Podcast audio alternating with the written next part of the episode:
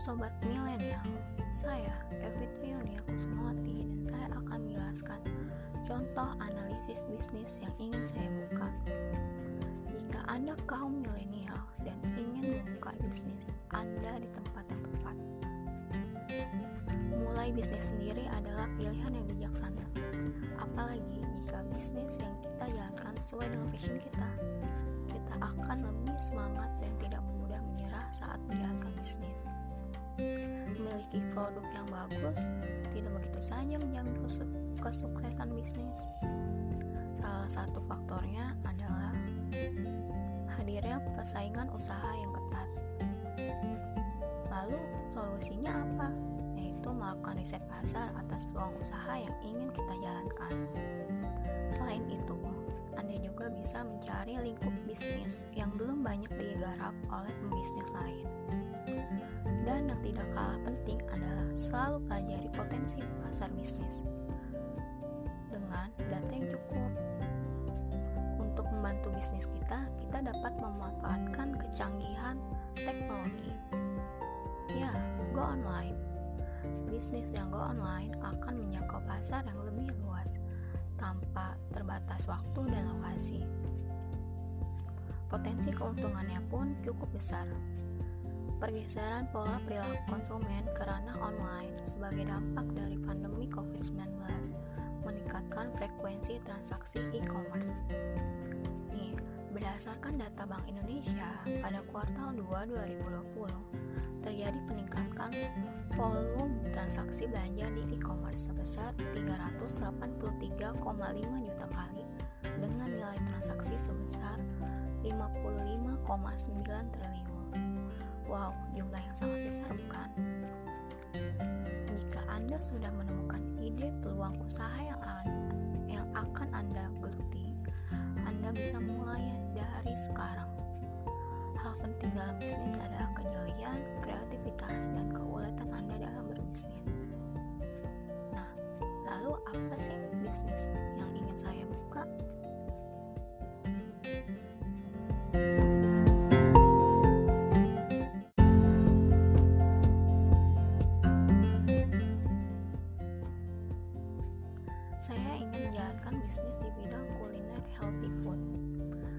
Menjalankan usaha sambil tetap menjaga lingkungan, kenapa tidak? Isu pemanasan global memang sudah bukan hal baru. Dampaknya pun sudah kita rasakan, mulai dari perubahan iklim cuaca yang tak menentu. Menurut Intergovernmental Panel on Climate Change, yaitu suatu panel ilmiah yang terdiri dari para ilmuwan dari seluruh dunia, memperingatkan bahwa hanya ada 12 tahun tersisa atau sampai tahun 2030 untuk mencegah bencana iklim ekstrim yang terjadi karena pemanasan global dengan maksimum kenaikan suhu 1,5 derajat Celcius. Karena pemanasan global di atas 1,5 derajat Celcius akan menambah resiko bencana alam ekstrim seperti cuaca panas ekstrim, kekeringan parah, banjir yang disebabkan cuaca hujan ekstrim, dan mencairnya daratan es di kutub utara yang akan berdampak pada ratusan juta orang di seluruh dunia. Semakin memanasnya bumi, akan lebih banyak bencana alam dan perubahan iklim, bahkan hilangnya beberapa ekosistem yang akhirnya akan banyak orang-orang yang berada di bawah garis kemiskinan yang paling terdampak dari perubahan ini. Kesadaran masyarakat menggunakan produk-produk konsumsi ramah lingkungan meningkat pesat dalam beberapa tahun terakhir. Masyarakat pun sudah bisa melihat dari berbagai faktor, mulai keamanan, kebersihan, dan dampak bagi kesehatan yang merupakan prioritas utama dalam pembelian produk pangan. Produk makanan memang tidak ada habisnya, terutama produk makanan ringan atau snack. Meskipun banyak produk baru yang dikenalkan, antusiasme masyarakat untuk mencobanya cukup besar. Artinya, potensi bisnisnya masih cukup besar. Kuncinya adalah kualitas dan keunikan produk. Saat ini, tren hidup sehat mulai berkembang di masyarakat.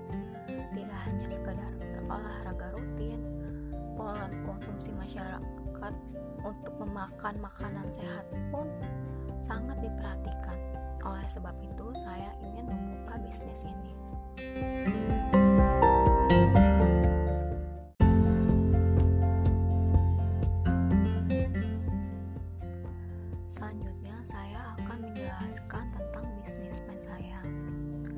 Partner usaha saya yaitu produsen penyedia produk ramah lingkungan. Produknya itu bisa berupa sedotan yang terbuat dari stainless steel atau bambu, tas belanja atau body bag yang memiliki desain yang menarik, dan botol minum atau tumbler yang menarik juga.